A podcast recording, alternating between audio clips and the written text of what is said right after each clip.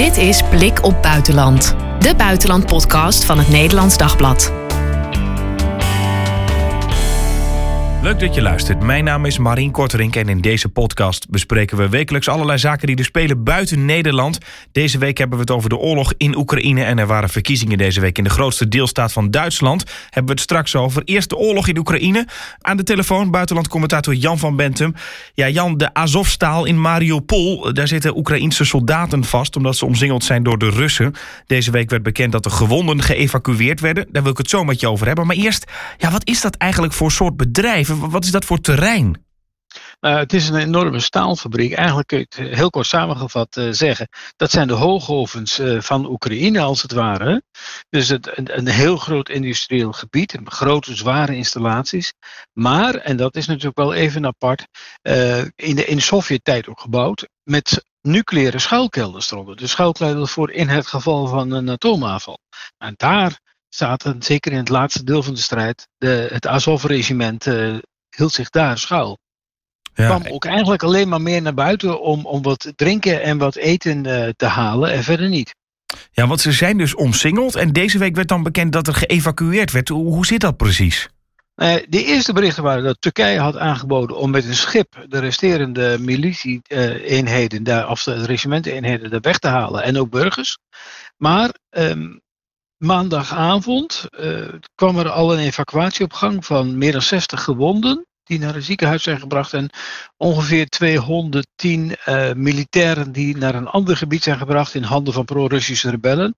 Dat was onderhandeld via de VN, uh, maar ook via het Internationale Rode Kruis. En er zijn nog steeds gesprekken tussen de Oekraïners en Russische onderhandelaars. En ook die hebben daarin een rol gespeeld. Want het klinkt heel ingewikkeld. Dat moet je even uitleggen. Mensen die worden geëvacueerd, maar wel naar de tegenstander toe. Uh, ja, maar met in het achterhoofd, en dat zei bijvoorbeeld ook de vice-minister van Defensie van Oekraïne, om, uh, voor een eventuele gevangenenruil. Dus zij komen nu in handen van de Russen, althans die, die 260, uh, 261 of 264 mensen zijn in handen van Russen en pro-Russische rebellen. Maar Oekraïne heeft ontzettend veel Russische militairen gevangen gemaakt. Nou, daar wil men dan een uitruil uh, in hebben. Gaat dat ook echt gebeuren? Want de verhalen waren natuurlijk ook in die Azovstaal zitten de, ja, de naties eigenlijk, zoals de Russen dat dan noemen, waar ze eigenlijk eh, jacht op maken, zoals ze dat in hun eigen land verkondigen. Ik kan me voorstellen dat je dan hier niet ook zomaar weer uitruilt. Het kan wel, omdat uh, Oekraïne heeft bevolen aan het regiment, het Azov-regiment, om de gevechten te staken, levens te sparen. Ze hebben een militaire plicht vervuld, zegt de regering. Um, ze zijn dus als het ware geen combatants meer, hoe moet je dat zeggen, uh, actief betrokken bij de strijd. Althans, vanuit, die, uh, vanuit dat bevel niet. En de commandant heeft ook gezegd dat bevel te zullen volgen. Ja, dan krijg je dus een heel ander verhaal. En twee, als Mariupol wordt opgegeven, heeft Rusland zijn landcorridor van Rusland naar de Krim langs de kust van de zee van Azov in handen. En dat was een heel belangrijk doel. Dus Poetin en de zijnen kunnen dat als een overwinning presenteren en zeggen dat ze dan heel genadig zullen zijn voor deze vreselijke tegenstanders. Ze kunnen wel een propagandaspin bij bedenken van zie je wel dat Oekraïne zelf ook natie is, want ze willen die naties uh, weer terug hebben. Maar betekent dat dan dat die Azovstaal nu dan helemaal leeg is? Nee, nog niet. Er zouden nog zo'n misschien 400 mensen zijn of 300, dat is nog niet helemaal duidelijk. Daar uh, wordt ook over gesproken uh, om, dat, om die ook te evacueren. Het is dus nog niet helemaal afgerond op het moment dat wij er nu over praten, maar er zijn wel gesprekken over gaan om dat te doen. En ook door internationale organisaties zoals de VN en het Internationale Rode Kruis willen daarin betrokken blijven. Wat zegt dit eigenlijk over de, de, de situatie op dit moment? Want het was wel ja, wekenlang eigenlijk een soort van. Daar zie je de, de mentaliteit van de Oekraïners. Ze geven nooit op, ze blijven vechten tot aan de ja. laatste snik. En nu is die strijd dan een soort van gestreden daar. Ze hebben het 82 dagen volgehouden tegen een enorme overmacht. En daarmee hebben ze naar schatting, las ik, ongeveer 20.000 Russische militairen gebonden aan die plek. Dus die konden niet op andere plaatsen aan het front worden ingezet. Ze hebben daarmee de Russische opmars in, het, in de Donbass, hè, dus in Lugansk en Donetsk, hebben ze behoorlijk weten te vertragen. Nou, dat is dan afgelopen. Er zijn ook berichten dat de Russen een 20 tot 25 tot 30 procent van de inzetbare eenheden niet meer beschikbaar zouden hebben. Nou, als er weer 20.000 militairen kunnen worden vrijgemaakt voor inzet aan het front daar, dan is dat weer deels opgeheven. En dan kan het dus in de Donbass weer een heel andere situatie worden ook de komende weken. Ja, dan kunnen ze weer heftiger gaan vechten om andere plekken die ze in handen willen hebben. En dat gebeurt al. Iets anders wat we de afgelopen week ook voorbij horen komen, dat Oekraïners gebieden terugveroveren. Wat is daarvan waar? Ja, dat gebeurt wel. En dat gebeurt met name ook bijvoorbeeld rond de tweede stad van Oekraïne, Kharkiv. Um, je hebt die beelden gehad van die eenheid die zelfs even bij de Russische grens is geweest. Er zouden ook Russische opslagplaatsen door, uh, uh, voorbij de Russische grens zijn beschoten door Oekraïne. Kortom, dat, de strijd is daar zo'n beetje richting de grens gegaan. Maar dat is niet meer het belangrijkste punt. Wat het belangrijkste is, is dat door ook wel opmars van Oekraïne, maar dan echt over, heb je het over kleine gebieden hoor. Als je op de kaart kijkt, dan moet je heel erg goed kijken, wil je dat uh, herkennen. En de Russen hebben wat dat betreft toch wel meer gebied in handen in het oosten en zuiden van Oekraïne. Het westen hebben ze dus grotendeels opgegeven, al beschieten ze steden als Lviv en ook Kiev nog wel steeds. Maar dat oprukken van Oekraïne is vooral het tegenhouden van de opmars van Rusland. En dat is op een aantal plaatsen de afgelopen dagen ook weer echt misgegaan voor de Russen. Als ze bijvoorbeeld de rivier wilden oversteken, dat ze vanuit de lucht met drones, maar ook anderszins uh, flink onder vuur werden genomen. En er is, zou zelfs een compleet bataljon bij een rivierovergang zijn uitgeschakeld. Nou, die, die verliezen gaan nog steeds door. De manier waarop de Russen vechten maakt ze kwetsbaar voor de Oekraïnse defensie. De Russen moeten oprukken Mhm. rivieren oversteken. De Oekraïners wachten hen op. En vaak in verscholen, ingegraven posities, zodat zij lastiger uit te schakelen zijn dan de Russen. En dat is het voordeel van de verdediger. Dat is, ja, maar er komen wel berichten naar buiten zonder dat er echte aantallen bij zijn dat ook de Oekraïners eh, de afgelopen twee weken zware verliezen hebben geleden. We zijn er nog niet uitgesproken, want ja, het nieuws volgt zich in, in, in die oorlog. Rap op. ja. heel erg op. Uh, ook omdat wij dan ook denken van, nou, uh, je luistert de aflevering en dan morgen kan het anders zijn. Maar dat is, nou, dat, zo gaat dat met podcast. Dat, dat is uh, letterlijk zo. Ja. ja. Um, de Finse regering heeft besloten om het lidmaatschap van de NAVO aan te vragen. Dat is ook nieuws van deze week. Dat heeft president Ninisto gezegd op een persconferentie. Ja, daar zullen ze in samen Rusland... Met Zweden. Samen met samen Zweden. met Zweden. En, en Ninisto is... Um, dinsdag naar Zweden gegaan. Heeft uit de koning uh, uh, Karl Gustav bezocht, of Gustav Karel. Um, en zij hebben, ook in Zweden is dus de aanvraag voor de NAVO-lidmaatschap op dinsdagmorgen ondertekend door de premier. Die twee landen gaan het lidmaatschap aanvragen samen. Ja, daar zullen ze in Rusland niet blij mee zijn. Nee, al heeft president Poetin wel gezegd dat hij niet onmiddellijk uh, daar erg wakker van zal liggen. Maar wel dat er maatregelen zullen komen wanneer de militaire infrastructuur van de NAVO ook richting Zweden en Finland zou gaan. Maar die twee landen hebben een, uh, wel een voorwaarde gesteld. Ze worden lid naar het Noorse en Deense model, namelijk geen permanente NAVO-troepen gestationeerd in Zweden en Finland en vooral geen kernwapens op hun grondgebied. En, en dat eerste, dat klinkt ook alsof ze Rusland dan nog een beetje te vriend willen houden. Ja, maar het past ook bij hun positie. Vooral Zweden heeft een internationaal sterke positie als een soort um, bemiddelaar, ook in bijvoorbeeld een nucleaire ontwapening. Hè. Je hebt daar een beroemde CIPRI, het uh, Onderzoeksinstituut voor Vrede in Stockholm. Uh, dus die positie willen ze ook wel deels zien te behouden. Aan de andere kant, ze voelen zich toch wel zo in de kou met deze Russische buurman, dat ze wel bij de NAVO willen zitten. Turkije zei altijd geen probleem als die bij de NAVO komen, maar Erdogan die krabbelt nu een beetje terug, hè? Erdogan heeft eigenlijk direct wel gezegd van ik heb daar wel, ik, ik ben er niet zo positief over, want zij herbergen PKK-terroristen. Nou zei de Turkse minister van Buitenlandse Zaken, eh, dat valt, ja oké, er zijn problemen, maar daar zullen we wel uitkomen. Wij blokkeren het niet. Maar maandagavond zei Erdogan van geen sprake van. Ik ga het niet toestaan.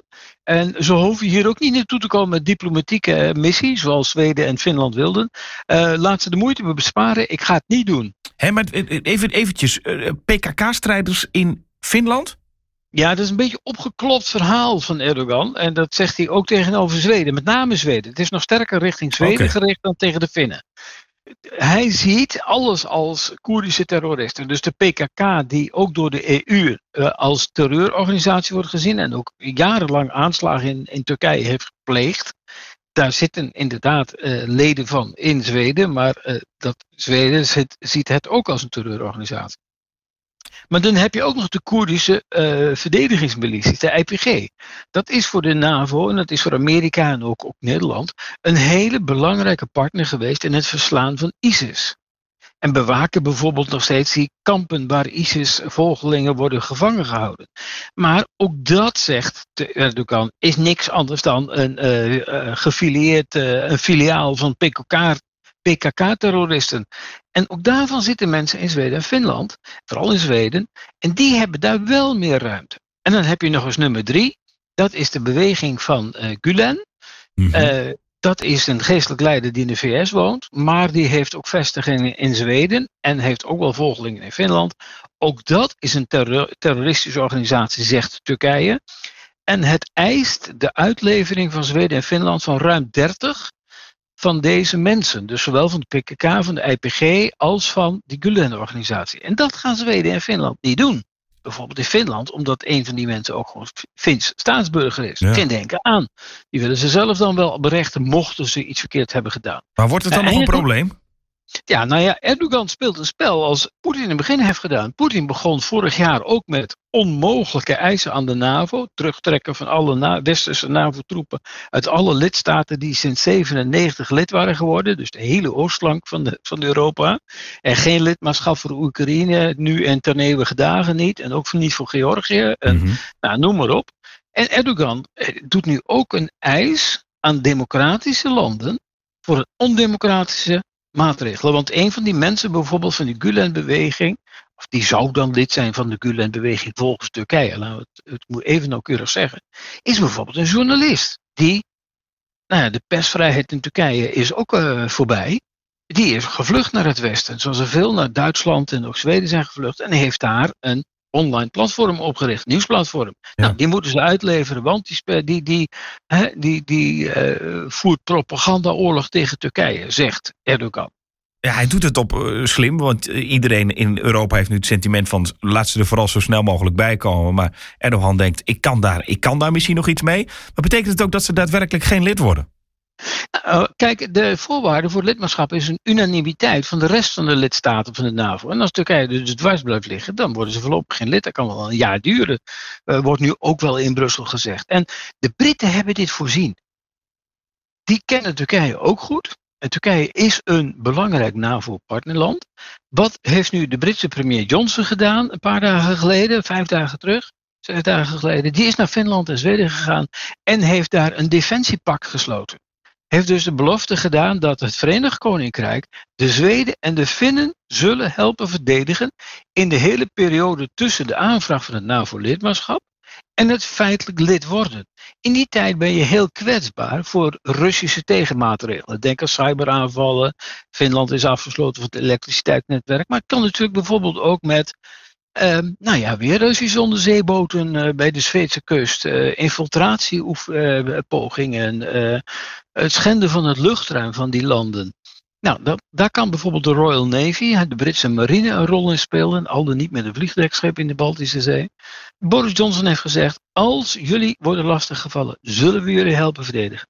Nou, dat is een heel belangrijke uh, boodschap voor Zweden en Finland in deze periode was het nu wel door het gedoe van meneer Erdogan en de zijnen een stuk lastiger krijgen.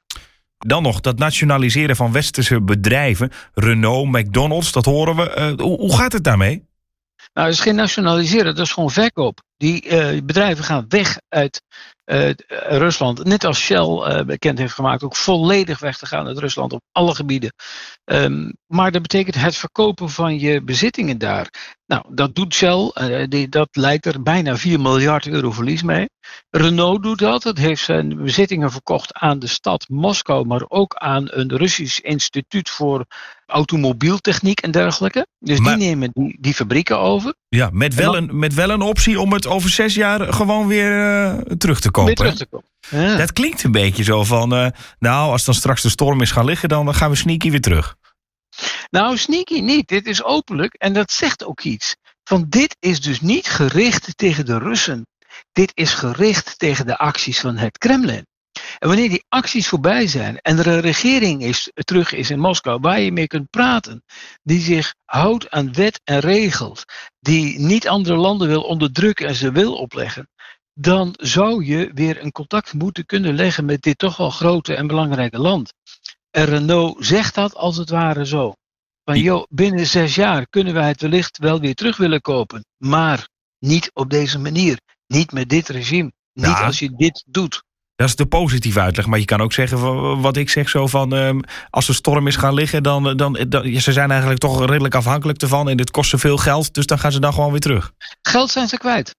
Dus dat gaat het niet. Dat, eh, het, gaat wel om, bijvoorbeeld Renault heeft, eh uit mijn hoofd gezegd, 45.000 werknemers in Rusland. McDonald's heeft er iets van 36.000. Eh, het gaat ook over die mensen. Je hebt natuurlijk la- jarenlange contacten. Ehm, ik heb ook contacten in Rusland. Die kun je op dit moment niet bereiken. Het is zelfs gevaarlijk voor die mensen. Maar deze mensen zijn wel de toekomst voor een land. Deze mensen zaten in een bedrijf met westerse leiding. Daar, daar praatte je mee. Je herkent elkaar als mens. En gooi dat niet in de prullenbak. Want, want hoe werkt dat dan uh, uiteindelijk? Een deel van een bedrijf wordt dan verkocht, van, van een bekende keten dus. Ehm, Ja. maar, maar is de patat daar dan anders? Of blijft dat gewoon hetzelfde en kan Ja. iedereen ook wel blijven werken? nou ja, kijk, hetzelfde, hetzelfde geldt voor Renault. Je verkoopt het bedrijf. Eh, De voorwaarden zijn dat die, eh, wa- wat ze ermee gaan doen, dat- dat ze natuurlijk niet één op één dezelfde dingen mogen maken. Dus geen eh, McDonald's eh, menu meer aanbieden. Maar met die duizenden werknemers gaat een hele hoop know-how wel mee. Dus eh, ook al zal het anders worden genoemd, eh, geen, eh, geen Happy Meal van McDonald's meer, maar de Happy Bite van ja. Moscow Incorporated, noem maar wat. ja, het is blij- bijna hetzelfde, maar het moet een andere naam krijgen. Een andere naam en wellicht ook een net iets anders maakje en een iets andere samenstelling. Maar de kennis gaat natuurlijk over. De apparatuur gaat over. Dus ja, het zal erop lijken. Maar het heeft niet meer dat karakter van. McDonald's was een soort symbool, hè? Na de val van de Sovjet-Unie was dat een van de eerste bedrijven die naar Rusland kwam. Het was een symbool van vrijheid. Die M was een. Wij, wij zien het als een symbool voor eh, fast food en slecht eten. Maar het was een symbool voor vrijheid voor veel Russen. En dat het Westen En- voet aan de grond had gekregen in Rusland. Ook dat, maar ook dat je samen verder wilt gaan. Ik, ik, er is een NAVO-Rusland-partnerschap opgericht in 97. Er zijn wederzijds kantoren geopend. Eh, er was een beweging om samen verder te gaan. En dat is kapot gemaakt. En gooi je het nou helemaal weg of gooi je het niet helemaal weg? Hoe wil je verder gaan? Dat zijn vragen waar we ook in het Westen, ook in Europa, flink over moeten gaan nadenken. Ik, eh, een, een, hele goede Rusland-onderzoeker, Mark Galeotto, schreef niet al te gek lang geleden een opinieartikel in de Moscow Times. Het Westen moet de Russen omhelzen. En dan bedoelt hij... Laten zien dat je om ze geeft. Maar wat ik al zei, ik, ik bedoel, je stuurt mails naar je contacten toe, ze antwoorden niet. Het is gewoon gevaarlijk geworden voor ze. Ieder contact met het Westen kun je worden uitgemaakt als een verrader. Maar vergeet ze niet en eh, onthoud ze voor als het wel kan. Mooie woorden om mee af te sluiten. Dankjewel Jan. Graag gedaan. Ja, ander nieuws van deze week. De verkiezingen in de Duitse deelstaat Noord-Rijn-Westfalen. Het is met eh, bijna 18 miljoen inwoners de grootste deelstaat van Duitsland. Afgelopen september waren er nog landelijke verkiezingen in Duitsland. Dus interessant om te zien of het beeld dat je daar zag eigenlijk ook te zien is in deze verkiezingen. Aangeschoven ook van de buitenlandredactie Ruud Ubos. Goed dat je er bent, Ruud. Hallo. Eerst even, ja, kan je dit eigenlijk vergelijken met een soort provinciale statenverkiezingen in Nederland? Want ja, het zijn grote gebieden waar we over praten. Ja, daar kun je het mee vergelijken. Eh, Wel meteen met het onderscheid dat eh, de, de deelstaten in, eh, in Duitsland veel meer bevoegdheden hebben. Coronabeleid wordt dan landelijk vastgesteld. Maar je kan bijvoorbeeld, een deelstaat kan bijvoorbeeld zeggen: Nou, wij willen mondkapjes, dat jullie mondkapjes dragen in de kerk. En een andere deelstaat zegt: Nou, van ons hoeft dat niet. Alleen in de winkels is genoeg. Dus je zag het ook aan vakantiegangers de afgelopen jaren in Duitsland. Je moest even kijken van naar welke deelstaat ga ik eigenlijk? Wat mag ik er eigenlijk wel en wat mag ik er nou niet? Het verschilde echt per, per, Ja. per deelstaat waar je was. ja, ja, ze hebben er ook echt een deelstaatminister van, nou ja, no- economische zaken bijvoorbeeld. Dat hebben wij hier in de provincies natuurlijk niet. Nee. Trek maar naar die uitslag. De christendemocratische CDU won met 35% van de stemmen. Terwijl die nog een flinke tik kregen bij de landelijke verkiezingen in september. Hè? Ja, dat is, dat is echt best wel opmerkelijk. Het is wel grappig. Ik, ik schreef begin dit jaar een, eh, een verhaal voor het ND. Dat ging over Het CDU een beetje in paniek, hè? want ja, we hebben verloren bij de verkiezingen na 16 jaar Merkel. Uh, waarom zetten ze ons nog aan de kant? En intern ook een discussie van moeten we die C van christelijk ook loslaten? Beetje CDA-achtig? Ja, een beetje CDA-achtig. En, en, uh, ja, maar de C zit daar wel wat meer ingebakken in Duitsland dan, dan bij het CDA. Ja, ook daar een discussie over. En toen sprak ik mensen en die zeiden van nou, let maar op, we komen terug.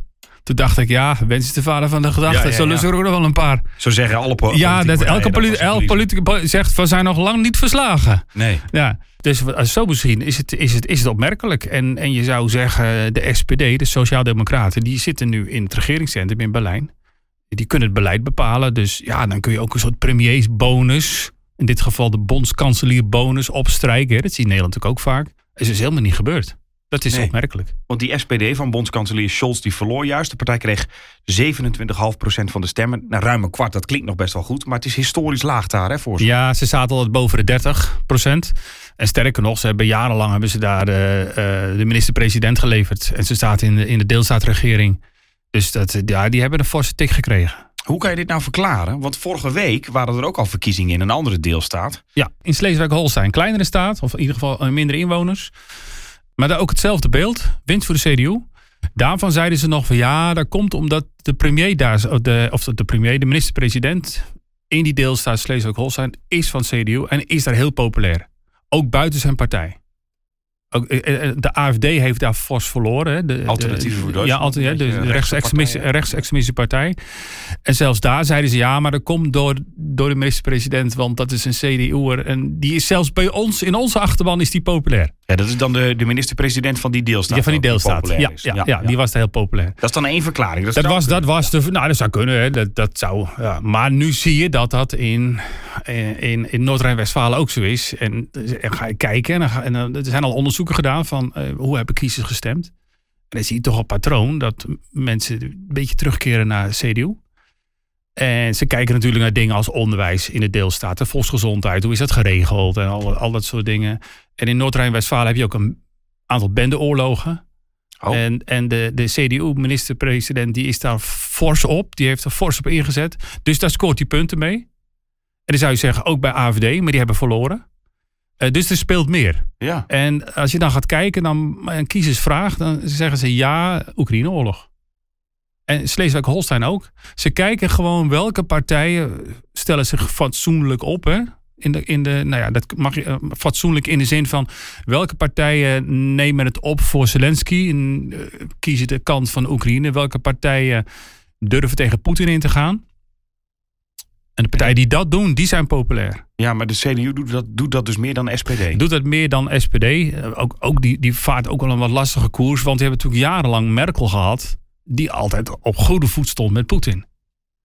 Dus die zoeken ook, dus de CDU zoekt daar ook wel een eigen weg. Maar je ziet bijvoorbeeld dat twee weken geleden is de, de nieuwe partijvoorzitter van CDU, uh, uh, Friedrich Merz, die is in Kiev geweest. En die heeft de handen geschud van, uh, van Zelensky. Maar bondskanselier Scholz, die is daar nou nooit geweest. Hoe komt dat, dat hij daar nog nooit geweest is? Ja, hij zegt dat hij daar, dat, hij heeft het druk ja, we hebben het allemaal was druk. Wat op de achtergrond meespeelt is dat de, de president van Duitsland is ook een SPD'er. Die mocht even Oekraïne niet in, omdat de SPD zo'n flauw standpunt innam. Dus ze zeiden, Zelensky zei van nou blijf maar even thuis. Ja, en toen zei, toen zei de bondskanselier, ja, dan ga ik ook niet. Maar ja, dit is, diplomatiek is natuurlijk voor alles te regelen. Maar uh, ja, hij, je, hoort hem ook vrij weinig. Uh, er is op Twitter ook een, een hashtag Wo is Olaf? Olaf Scholz. Ja, waar is Olaf Scholz? Hè? Waar is hij? Wat doet hij eigenlijk? Waar blijft hij? Waarom trekt hij zijn mond niet open? Nou ja, dat heeft hij natuurlijk wel een keer gedaan. Gezegd, we gaan de, de defensie versterken. 100 miljard extra. En ondertussen zit hij ook een beetje met samengeknepen billen. Van ja, waar, waar, blijft de olie en die gas uit Rusland dan? En zo. Daar is Duitsland nog meer afhankelijk van Ja, veel, veel meer dan wij, ja. ja. Ja. In die zin is het eigenlijk misschien ook ongunstig dat je op dit moment regeringspartij bent. Is het ook dat CDU daarom wint? Ja, het, ja nou ja, dat ligt er maar aan. Kijk, de Groenen zijn ook regeringspartij. En, en dat heel veel mensen die verwachten. Maar de Groenen nemen een heel stevig standpunt in. Die zijn voor wapensteun aan de Oekraïne. Mevrouw Baerbock, de minister van Buitenlandse Zaken van de Groenen van Duitsland, die is in Moskou geweest. En die heeft gewoon gezegd: uh, hou op met die onzin. En niet heel erg omzwachtelijk, maar gewoon duidelijk zeggen waar het op staat. Recht toe, recht aan. Recht toe, recht aan. Had niemand verwacht van de Groenen. Maar ze doen het wel. Uh, ja, en als je kiezers vraagt, dan zeggen ze: ja, nee, geweldig, geweldig. Ja, ja, ja. ja. Dus, dus, dus de deelstaten zijn dus de, de nationale groene politici zijn populairder dan de lokale groene politici. Nou, oh, dat zegt iets over dat iedereen naar Berlijn zit te kijken van wat gebeurt daar. Daar doen ze het goed dan ga ik hier lokaal de groene stemmen. Ja, dat is toch eigenlijk wat je in Nederland ook wel ziet. Hè? Ja. Dat je toch bij provinciale verkiezingen ook vooral naar de Tweede Kamer kijkt. Ja. Terwijl dat eigenlijk niet is waar je voor stemt. Ja, maar nogmaals, het is, heel vervelend, ja, het is natuurlijk heel vervelend voor Olaf Scholz dat hij nou in deze positie zit. Aan de andere kant, je ziet aan de groene dat je ook kunt profileren in een tijd van crisis. Dus je hoeft niet alleen maar voorzichtig te zijn. Wat ook wel, nee, dat snap ik ook wel dat je voorzichtig is. Maar er is meer mogelijk. Trekt die trend zich, denk je, door bij eh, meer eh, verkiezingen die eraan komen? Ja, dat is, natuurlijk, dat is nu afwachten. Kijk, het is nu allemaal. We zitten dicht op die oorlog nu, ook qua tijd. Misschien als het over een half jaar, laten we hopen en bidden dat die oorlog achter de rug is. En er zijn nieuwe deelstaatverkiezingen de komende jaren. Dat dat, dat, dat effect ook weer weg hebt. Dat is een beetje, een beetje afwachten. Wat wel interessant is om te zien, dat de Groenen hebben altijd de afgelopen jaren gezegd: we, we moeten meer windenergie, zonne-energie we moeten af van fossiele brandstoffen. Nou, lange tijd hebben heel veel Duitsers gezegd: van, ja, dat kan helemaal niet. En hou eens op. En, we kunnen niet uh, zonder. Daar kunnen we niet zonder. En onze auto-industrie, uh, ja, die, als die stilvalt, want er zijn, is geen, geen gas, geen olie, benzine. Ja, dat, uh, jullie, jullie vermoorden onze economie. En nu zeggen heel veel Duitsers: ja, die groene, ja, eigenlijk, eigenlijk best wel gelijk. Ja, dat, ja nou. Dus, dus dat betaalt zich nu ook uit. En dat zal zich wellicht op de langere termijn ook blijven uitbetalen. Dus als ik in de Groene Partij zat in Duitsland, zou ik de toekomst positief tegemoet zien. Ja. En is dat voor het CDU ook zo dan? Want die dachten natuurlijk Merkel kwijt. Uh, ja. Dit gaat, dit gaat, uh, ja. taaie, ja, gaat ja. taaie jaren worden. Ja. Dat valt dan nog mee als je dit zo ziet. Ja, dat valt mee. Uh, ik, ik weet het niet. Ik denk dat de Groenen wat dat betreft beter voor staan dan, dan de Christen-Democraten. Dan moet ik wel zeggen, Christen-Democraten is natuurlijk wel de CDU en de CSU in het zuiden, Zuid-Duitsland, is natuurlijk wel een enorme krachtige partij. Hè? Een partijorganisatie, diep geworteld in de samenleving. Ik denk meer nog dan de Groenen. Ja, daar hebben ze natuurlijk heel veel voordeel van. En de SPD dan? Want, uh, moeten die zich zorgen maken? Ja, dit is heel grappig. Kijk, SPD heeft het afgelopen jaar helemaal niet zo goed gedaan. En uh, die schoven uh, Olaf Scholz naar voren als, als lijsttrekker voor de verkiezingen van de bondsverkiezingen in september. Zeg maar zeven maanden geleden. En toen zag je opeens dat die partij als een speer, oh, nou, als een speer, in, in de peiling omhoog ging. En toen zei iedereen, ja, dat is tijdelijk. Dat, dat, dat, dat, dat zien we. Maar uiteindelijk won de SPD onder Scholz gewoon de verkiezingen. En Scholz bleek heel erg populair te zijn. Misschien wel, hij is een beetje kleurloos. Misschien wel daarom. Gewoon geen rare fratsen. Beetje gewoon... een Merkel, maar dan een mannelijke variant. ja, ja, in zijn politiek ook. Hè. Hij is natuurlijk al heel lang vice, vice-kanselier geweest onder Merkel. Uh, hij had ook zoiets van... Um, maar onder mij weet je ongeveer wat je kunt verwachten. Geen gekke dingen. Uh, en nu denken, denk, uh, nu denken heel veel Duitsers, ja, deed hij maar een keer gek. Deed hij maar eens een keer stevig. Deed hij maar eens een keer vooruitstrevend. Daad, daadkrachtig, uh, et cetera. Ja, dus even dachten de sociaaldemocraten in Duitsland, we hebben het lek boven. Hè. We, jarenlang in de peilingen en in, in de verkiezingen gedaald. Zetels ingeleverd. We hebben nu de weg omhoog gevonden. Dat blijkt dus niet zo automatisch te zijn. Werk aan de winkel dus ook. Werk aan de winkel, ja. Die rode moeten harder werken. Dit was Blik op Buitenland voor deze week. Tot volgende week.